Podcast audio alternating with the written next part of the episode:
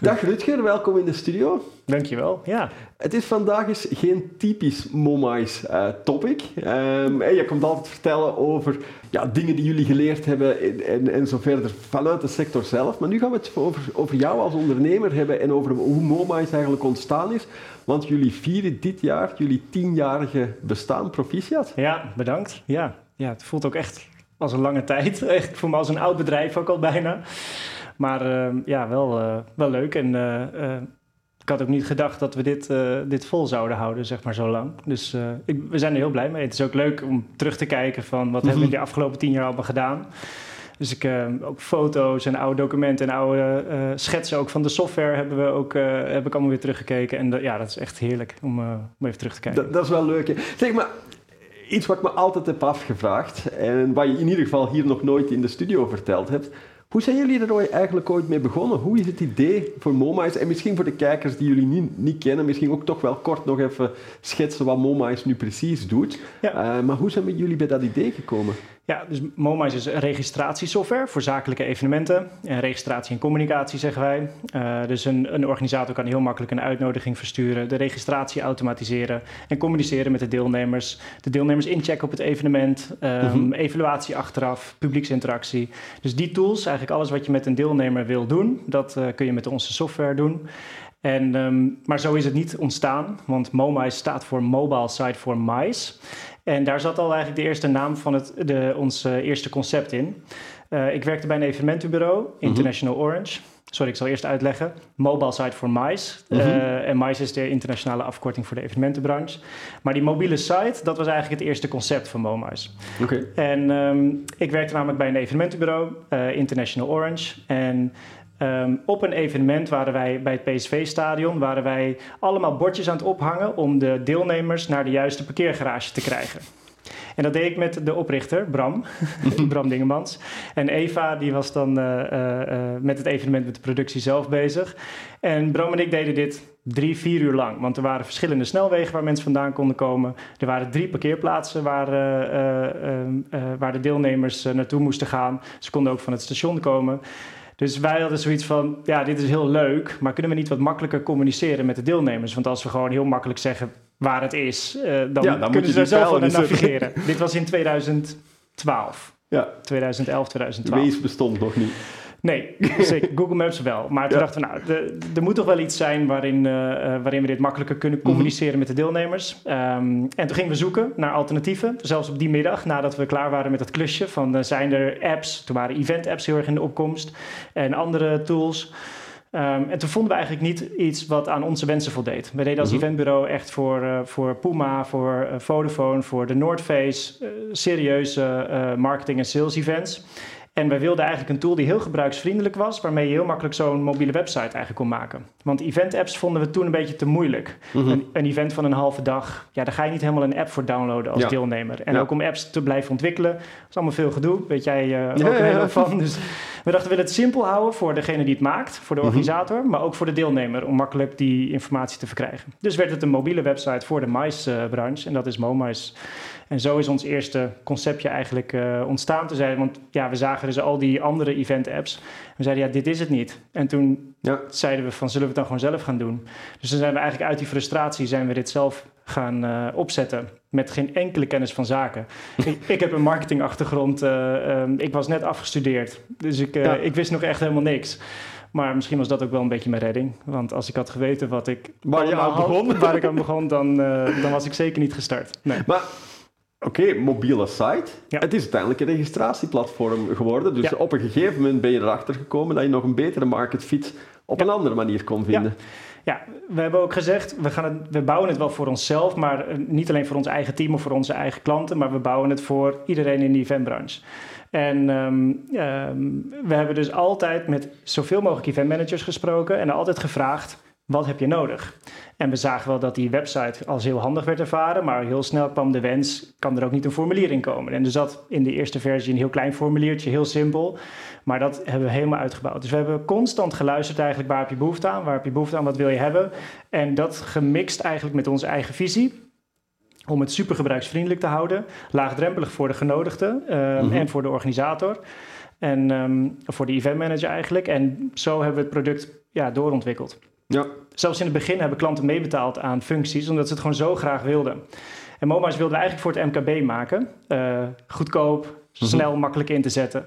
Maar klanten als uh, Heineken, Vodafone, uh, die, PON, die werden al heel snel klant. Dus wij moesten ook heel mhm. snel volwassen worden.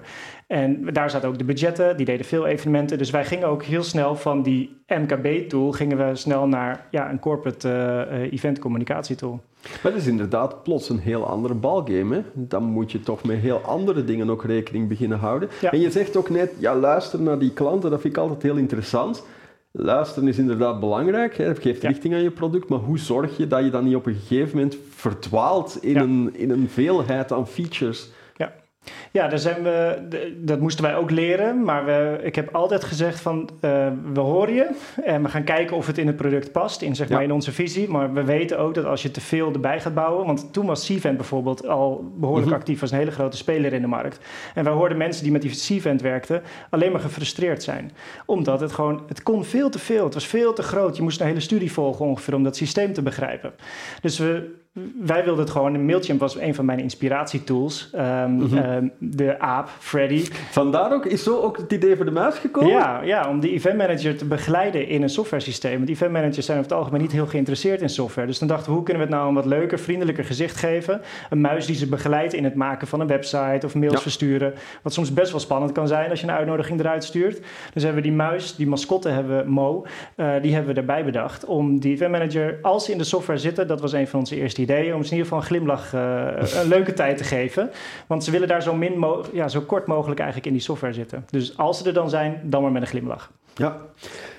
Het product zelf is over de jaren heen heel erg geëvolueerd. Hè. Het is echt een volwassen tool ondertussen geworden. Jullie hebben ook net het uh, ISO-certificaat een tijdje geleden uh, gehaald, wat toch echt aangeeft van oké, jullie staan er, jullie doen het op de juiste manier. Maar als je nu terugkijkt op die tien jaar, als ondernemer, hè, want oké, het is nu toevallig de evenementensector, het is nu toevallig heel leuke software, ja. maar er zitten mensen achter een bedrijf. Ja. Hoe heb je die reis ervaren? Hoe heb jij, wat heb jij geleerd? Ja, uh, heel veel. En ik heb het ook altijd opgeschreven. Uh, ik had een, soort we een wekelijks dagboekje had ik voor mezelf. Dingen die ik leerde. Uh, ik ging altijd terugkijken op de week en uh, gedaan. Dus nogmaals, ik had een sportmarketingstudie gedaan. Ik was, uh, ik was verliefd op de evenementen geworden eigenlijk. Mhm. En geen enkel idee van start-ups. Um, maar ik heb altijd heel veel boeken gelezen en, en vooral door de ervaring, uh, maar vooral ook met de hulp van Bram en Eva, de medeoprichters ja. van MoMaist. Bram was al echt een, uh, een, een ondernemer, die had al meerdere bedrijven gehad. En Eva was een hele goede, is nog steeds een hele goede event manager. Ik denk wel een van de beste die ik ooit ontmoet heb. Dus samen met hen konden we een heel goed fundament bouwen. En een aantal van die dingen die daarin zaten was goed huisvader zijn. Dat zei Bram altijd. Goed voor mhm. je mensen zorgen, van je team. Goed voor de klanten zorgen en voor hun data. Dat zijn eigenlijk de drie pijlers die we in het begin al, en dat merkten we ook bij die grote klanten, dat security en privacy een heel belangrijk onderdeel is. En ik had daarom ook niet. Ik, ik vind Eventbrite niet zo'n fijn product, omdat zij privacy op een hele andere manier interpreteren. De data die je in Eventbrite stopt, dat wordt van Eventbrite. En we hebben bij Momus altijd gezegd: jouw relaties blijven jouw relaties. Wij verwerken ze alleen om, ze, ja. uh, om jou de inzichten te geven daarover, maar daarna kun je ze gewoon meteen exporteren. Nou, en dat was een heel belangrijk fundament, denk ik, om altijd goed voor je team te zorgen. Um, transparant naar ze te zijn, duidelijk te zeggen wat we willen. We zijn een jong bedrijf um, en ik denk dat we daardoor ook heel veel plezier hebben kunnen hebben daarin. En, en Bram en Eva hebben me daar enorm in geholpen. En in het begin hebben we dat fundament echt met z'n drieën mhm. gedaan. En uh, ik ben daarna steeds meer naar de voorgrond gegaan. Dus ik denk dat dat een van de belangrijkste dingen is die ik wel uh, geleerd heb. Um, ja, er zijn zoveel. Um, een van de ik vind het het leukste ook, zeg maar, in het ondernemerschap vind ik een team bouwen. Dus ik vind een product bouwen heel leuk. Mhm. Daar ben ik wel achter gekomen. Software, SaaS, dat is, sommige mensen vinden het ook saai. SaaS is saai, zeggen ze ook wel eens. Omdat je gewoon constant heel langzaam aan het bouwen bent. Je bouwt je product groter en je houdt een langetermijndoel voor ogen. Dus je moet altijd langetermijn beslissingen nemen. En nooit, oh, nu gaan we het even zo op deze manier fixen. Want je weet op een gegeven moment, na drie maanden of zes maanden, je, je, hebt ook die ervaring, maar je gaat daar dan uh, er tegenaan lopen. Dus altijd lange termijn beslissingen nemen. En daardoor ga je misschien niet zo snel. Maar houd die rust. Eh, um, wees niet bang voor concurrentie. Als het goed is, heb je een unieke visie, heb je een uniek concept. Um, je tijd heb je gewoon om, om te groeien en te ontwikkelen. Zeker in de zakelijke uh, markt, in de B2B. Ehm, dus dat vond ik dat, dat, uh, neem, hou die rust. Mhm. Dat vond ik een van de meest belangrijke dingen. Anders word je super geha uh, gehaast, ga je allerlei dingen... Ja, dan struikel je en dan op een gegeven moment loopt het mis. Ja, ja. En, uh, en die andere is ook een team bouwen. Want ik, ik ben echt een teamplayer. Ik kan, ik kan weinig alleen. Maar dat, enfin, dat, dat jullie echt een hecht team zijn, dat merk je als je bij jullie op kantoor komt. Hè. Ik heb het geluk gehad al, al, al bij jullie op kantoor te komen. En je Ja. ziet ook de sfeer die daar hangt. Ja. Het is, je zei er straks huisvader, maar het heeft ook een beetje een huiskamergevoel bij jullie. Ja, ja, klopt. Die setting hebben we ook altijd willen maken. We zeggen altijd, je bent twee derde van je dag ben je ongeveer aan het werk. Dus, Mhm. dus als het goed, ja, zorg ervoor dat je een leuke tijd hebt met leuke mensen om je heen, leuke mensen om je heen verzamelen. En ik vind, dat vind ik de leukste puzzel in, zeg maar, vanuit mijn rol, dat ik dus een team kan samenstellen die misschien niet zo voor de hand ligt. Want ik wil niet alleen maar dezelfde mensen aannemen. Ik zoek juist, ik heb liever een ruwe diamant dan zeg maar iemand die al helemaal gepolijst is. En dan Ja. zo, zo eh, neergezet wordt en die dat dan gaat doen. En ik, ik zoek altijd zeg maar wat, wat motiveert iemand? Eh, hoe ambitieus is diegene? Wat zou die willen leren? Hoe, hoe is die als persoon? Ehm, om dat bij een team samen te zetten. En dat, soms is het een beetje risico. Denk je, gaat het lukken of niet? Mhm. Maar als het dan werkt, dan werkt het extra goed. Want ze, ik wil dat mensen elkaar wel, eh, aanvullen. En niet eh, dat we alleen maar high-five zeg maar, door kantoor gaan. Oh, het gaat het goed en wat gaat het leuk. Ik heb net een gesprek gehad eh, eh, met Fleur en die zit al zo lang bij MoMA's. En zij is, zij is mijn, eh, mijn zakelijk geweten bijna. En zij Ja. stelt soms de meest vervelende vragen. Maar ik wil haar dicht bij mij hebben. Want zij stelt de vragen die niemand anders stelt. En dat houdt mij ook weer scherp. Ja, er was, er was laatst iemand die tegen mij zei van ja, wrijving doet glanzen. Ja. Ja, af en toe heb je wel een Ja. spanningsveld nodig om net. Een stuk verder te geraken. Ja, ik wil echt, ja, dat noemen ze ook wel eens ja-knikkers, hè, maar ik wil echt geen ja-knikkers in mijn team. En ik, ik denk dat eh, gedurende de afgelopen tien jaar, oh, er zijn natuurlijk ook mensen weer weggaan, maar iedere keer als, ik iemand, eh, als er iemand bij kwam, vraag ik me ook altijd af, gaat diegene weerstand geven op een gegeven moment? Of gaat hij alleen maar gewoon mee in... eh, en, en ik probeer ook in de persoonlijke begeleiding van iedereen daarin ook te zeggen, of ze daarin ook een eigen mening te laten vormen. En ehm, ehm, als ik merk dat ze gewenste antwoorden geven, dan zeg ik, ik wil, ik wil weten hoe het echt zit. En dus iedereen is ook ja, vrij, iedereen mag alles zeggen, zeg ik Ja. altijd. Als je een goed idee hebt, roep het. En dan maakt het niet uit welke functie of welke verantwoordelijkheid je hebt. Ik probeer dat zoveel mogelijk eh, ja, te bewaken, die cultuur. Jullie zijn denk ik ruwweg met 20 mensen bij Ja. Iets Ja. in die grootorde. Ja. Ehm, een typische grootorde ook voor heel veel bedrijven in onze sector, zitten ook hè, rond, rond dat aantal. Ja. Hoe deel jij als, als, als ondernemer jouw dag in? Want ik hoor je al zeggen, ja, het, het supporteren van die, van die mensen, het begeleiden van die mensen. Dus ik neem aan dat dat een stuk al van die dagtaak is. Ehm, nee, nee, dat valt eigenlijk wel mee. Ah, oké. Ehm, ja, we hebben een aantal ja, rituelen zeg maar, ingebouwd. En dat is een, ehm, een wekelijks hebben we een vergadering met het hele team.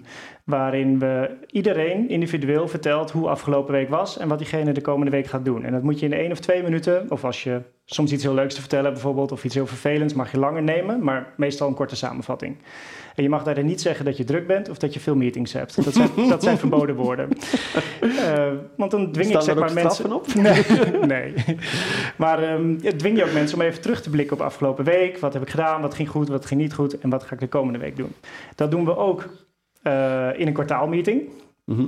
Eh, en dan presenteert iedereen zelfs, of ieder team ook, van wat heb ik afgelopen kwartaal willen bereiken. Ze moeten zelf hun doelstellingen formuleren en ze, ook de doelstellingen, eh, dan zeggen ze, nou dit hebben we wel gehaald en dat hebben we niet gehaald. En ze moeten nieuwe inzichten brengen, informatie die nog nooit eerder is geweest. Oh, dat is ook wel een uitdaging. Ja. Want dan moet je dan wel op zoek naar gaan. Ja, en dat levert ook stress op. Eh, maar iedereen zegt altijd na de kwartaalmeeting... Wat fijn dat het er is. Ik zei ook, moeten we iets veranderen aan het format? Ze zei, nee, dit is nodig. Want ik, dan, je zoomt uit, je gaat graven naar bepaalde dingen. Je gaat vragen stellen die je dagelijks niet stelt misschien. En dan komen er altijd nieuwe inzichten. En het mooie ervan is, omdat alle teams dat presenteren...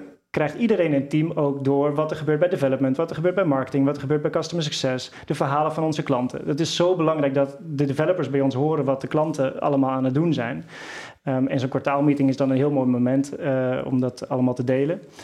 Um, en dat doen we ook jaarlijks in een, uh, in, een, in een grotere versie. Maar dan gaan we ook ja. een paar dagen naar een huis. Dus zo hebben we zeg maar op vaste momenten hebben we die, uh, die review en, en vooruitblik. En wij doen ook, um, en dat heb ik wel verdeeld samen met mijn commercieel directeur en technisch directeur, Mhm. één op één meetings. En ik zou Ja. dat bijna iedereen uh, aanraden. Iedere twee weken. En daar de, gaat het over werkdruk, stress, prioriteiten, uitdagingen, uh, overwinningen. Die worden daar besproken in 20, 25 minuten. Ja. En dat is zo fijn, want je, je, je, je bent er op tijd bij als iemand bijvoorbeeld te lang te veel stress heeft of te hoge werkdruk. Dan kun je gewoon meteen iets wegnemen bij die, bij die taken. Je voelt veel beter aan hoe, hoe het team erin zit.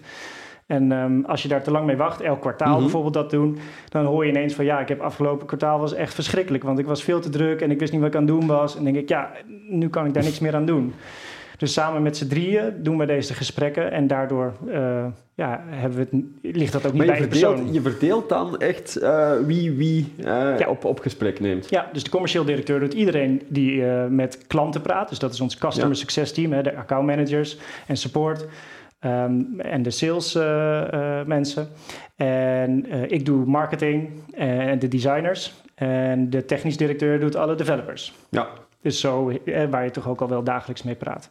En onderling met z'n drieën delen wij alleen als er echt iets aan de hand is, bijvoorbeeld met iemand, of ja. om even af te stemmen wat doen we daarmee. Als managementteam dan? Ja, ja. ja. Ja, en dat scheelt heel veel tijd. Want dat is ja, een paar momenten in de week dat je dan zo'n gesprek hebt, mm -hmm. meestal. Maar uh, het is niet zo'n enorme berg waar je dan tegen... oh, we moeten weer met iedereen in gesprek. Ja.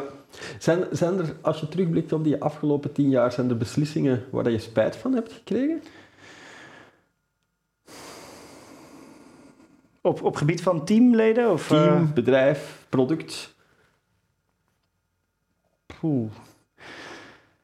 Uh, vast wel. ja, um, nou, wat ik als product ontwikkel je. Ja. En in, in de afgelopen tien jaar heb ik ook heel veel geleerd. En ik heb ook altijd gezegd, alles wat ik leer, wil ik meteen zeg maar, delen met andere event managers. En daardoor um, zijn we het product aan het doorontwikkelen, maar hebben we bijvoorbeeld ook die methode ontwikkeld. Want we zagen gewoon als we met event managers in gesprek waren, uh, hier, um, hier zit iets, hier kunnen we ze bij helpen. En dat heeft niks met de tool te maken, maar meer met het vak event management. Ja. En omdat het product ontwikkelde, dacht ik ook dat onze klanten meegroeiden. Um, maar nu realiseer ik me dat we nog steeds een registratietool zijn. Zeg maar, dat is even de kern van ons product. Mhm. En uh, ik wilde te veel vertellen over al die andere dingen die we doen. En het, het, is niet toevallig dat ik daar straks de intro zo gedaan heb. Hè? Je, je bent heel sterk bezig met hoe kunnen we naast ons product ook die sector vooruit helpen? Hoe kunnen we daaruit leren? Hoe kunnen we mensen opleiden? Wat al redelijk bijzonder is voor een bedrijf met jullie activiteit om dat te willen doen. Dus ik, ik vind het wel sterk langs, langs Maar dat komt om, ik, ik ben MoMa's niet gestart omdat ik een softwarebedrijf wilde starten. Ik wilde MoMA, ik wilde MoMA starten om events beter te maken en eventmanagers mm te helpen beter eventmanager te worden. En de tool, die software, dat is maar een middel voor ons om dat te doen. Ja. Maar als er 4000 evenementen door je software heen gaan en als je honderden, duizenden eventmanagers spreekt, krijg je zoveel informatie waar je weer zeg maar, op door kan gaan. Alleen ons verhaal ging op een gegeven moment ook heel erg naar de methode toe. Mhm. En dan als je dan een nieuwe, uh, nieuw iemand spreekt over wat je aan het doen bent, dan werd mijn verhaal ineens super uh, onduidelijk. Want we ontwikkelen software, we hebben een methode. En ik, ja, wat doen jullie niet? Ja. En ik heb nu wel geleerd, recentelijk ook, dat ik ik moet gewoon beginnen met, we zijn een registratiesoftwarebedrijf. Dat is waar we in de kern zeg maar, de meeste mensen mee helpen. En daarnaast doen we nog veel meer, maar daar ga ik je nu niet mee vermoeien. Ja. En, maar dat, dat hebben wij ook in de marketing, zijn we daar ook in meegegaan. Dus op onze website was het soms niet helemaal duidelijk dat we gewoon een registratietool zijn. En dat zijn we nu weer helemaal aan het terugdraaien. Om terug die focus op, op de kern te zetten. Ja, om één boodschap eigenlijk uh, naar buiten te brengen. En dat... Um, ja, je, je wordt gewoon verleid doordat je qua product en kennis uh, ontwikkelt en je denkt, dit wil ik allemaal vertellen. Mhm. En dat, uh, daar heeft je doelgroep eigenlijk geen boodschap aan. Ja, mooi. Ja, en dus ik vind het nog steeds heel leuk dat we die methode ontwikkelen en dat we op, een, op ja, andere vlakken ook, sterk, ja. andere vlakken ook event managers helpen, maar dat is, uh, dat is allemaal extra. Ja. Als we naar de branche zelf kijken, die is natuurlijk de afgelopen tien jaar ook veranderd. Wat is jou daarin opgevallen? Um, ja, ik zeg altijd gekscherend, we doen maar wat. en het klinkt misschien een beetje negatief, maar ik heb, ja, als ik met. En dat bedoel ik niet, uh, we kunnen hele goede evenementen neerzetten. Mm Productioneel, foutloos, concepten, prachtig, creatief. Maar als ik vraag, maar wat is, een doelstelling met, wat is de doelstelling van het evenement en dat daar dan niet een meetbaar iets uitkomt, dan denk ik, oeh ja, dan ben je iets heel moois op zichzelf aan het bouwen. Maar mhm. ja, door al die gesprekken, en dat kwam ook vanuit de tool, doordat de enquête-module van ons heel weinig gebruikt werd, een enquête-tool. En dat wij vroegen, maar waarom gebruik je die niet? Ja, wat moet ik dan meten? Toen dacht ik, ja, uh, je doelstelling, bijvoorbeeld. Ja, maar dan moet je ze wel hebben natuurlijk. Precies, en toen kwamen we erachter, ze hebben geen doelstellingen. En toen gingen we doorvragen en blijkt dat heel weinig bedrijven ook een eventstrategie hebben. Ze hebben helemaal geen eventkalender. En dat merk je ook in de, in de dagelijkse gang van zaken bij eventmanagers. Ze zijn super gestrest omdat events allemaal ad hoc georganiseerd worden. Er komt ineens een oproep binnen de organisatie, oh, we moeten weer een evenement organiseren. Oké, nou en hup, daar gaan we hollen. En die eventmanager wil heel graag dit goed doen, gaat het goed organiseren. En nou, aan het eind van de rit bijna opgebrand, uh, maar het is allemaal gelukt. En weer hup, door naar de volgende. Mhm. En daarin denk ik van, we doen maar wat. En dat vind ik gewoon heel zonde, want ik, je ziet gewoon dat events onder, onderschat worden in wat ze kunnen realiseren voor een bedrijf. En dat vooral de rol naar de event manager, dat die enorm ondergewaardeerd wordt. Zo van, regel het maar. Ja. En ik vind dat helemaal niet uh, oké, dat, dat klopt niet. Ik geloof er zelfs in dat als je je groeidoelstellingen als bedrijf wil realiseren, dan zijn... Uh, de enige manier om, om, om dat te doen is met jouw netwerk. En hoe kun je je netwerk het beste bereiken? Wat heeft de meeste impact? Evenementen. Of het nou online of live is. Dus waarom doe je op een van de belangrijkste groeistrategieën in je organisatie geen goede budgetten, geen goede doelstellingen, geen tools überhaupt ervoor gebruiken? Mhm maar gewoon iemand even zijn gang laten gaan en ga even weer een evenementje organiseren, om het even plat gezegd. Dan denk ik, ja, dan ben je echt maar wat aan het doen. En dat, dat ik soms hoor dat een stagiair wordt gezet op de uitnodiging eruit te sturen naar de belangrijkste relaties van je bedrijf. Ja, mhm. ik, ik, ik snap dat echt niet, want er gaat altijd wel eens iets mis. En, en dus dan nodig je je belangrijkste relaties uit voor een evenement.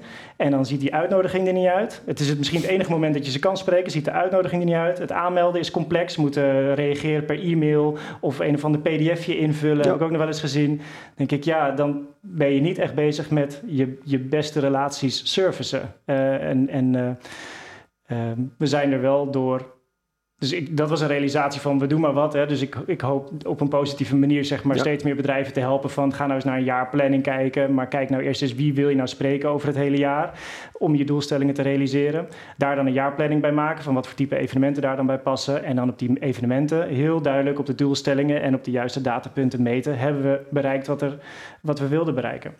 En um, daar, daar ben ik wel achter gekomen. En dat vind ik ook heel leuk. Daar zit ook, daar zit ook veel meer interesse ook dan alleen het product bouwen. En daar zie je dat er heel veel kansen liggen gewoon voor bedrijven nog te doen. Want ik zeg niet dat er dus geen goede evenementen worden georganiseerd. Maar als je ze juist meer met elkaar verbindt en koppelt aan de juiste doelstellingen. En dus ook meet op de juiste punten. Ja, dan, dan worden events zoveel meer waard dan dat ze nu zijn. Ja. Want nu is het echt na het evenement, de deuren worden gesloten en dan is het klaar. En ja, ik heb juist geleerd samen met de Behavior Change Group.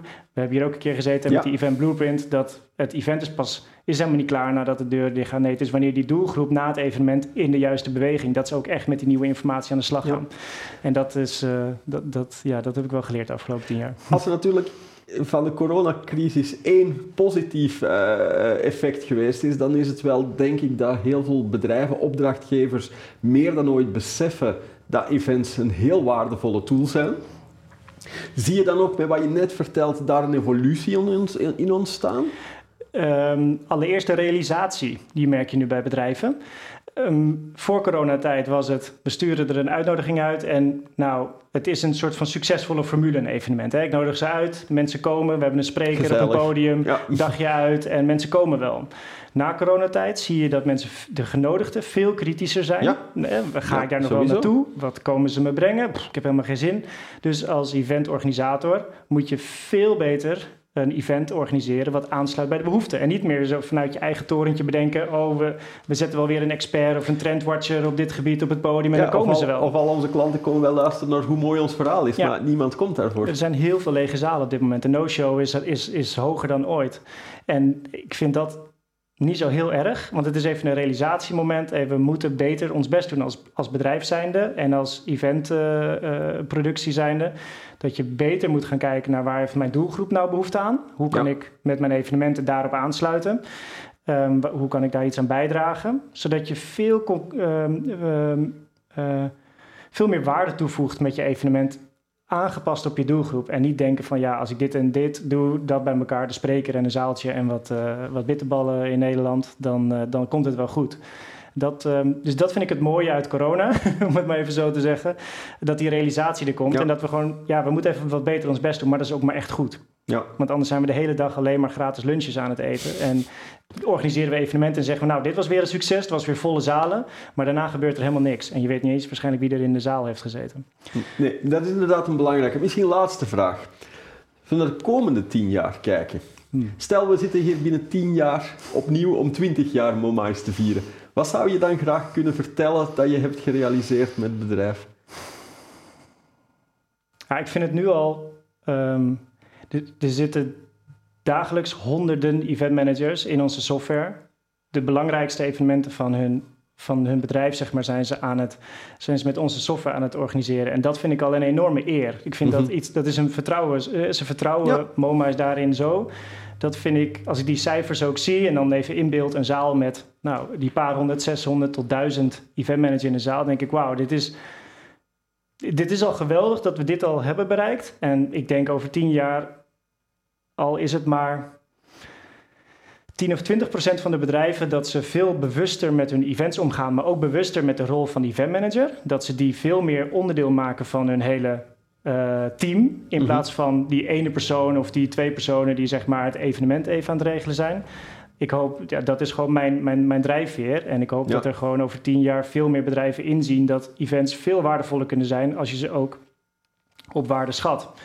En dat je het dus niet alleen maar over kosten hebt, maar over wat is het ons waard.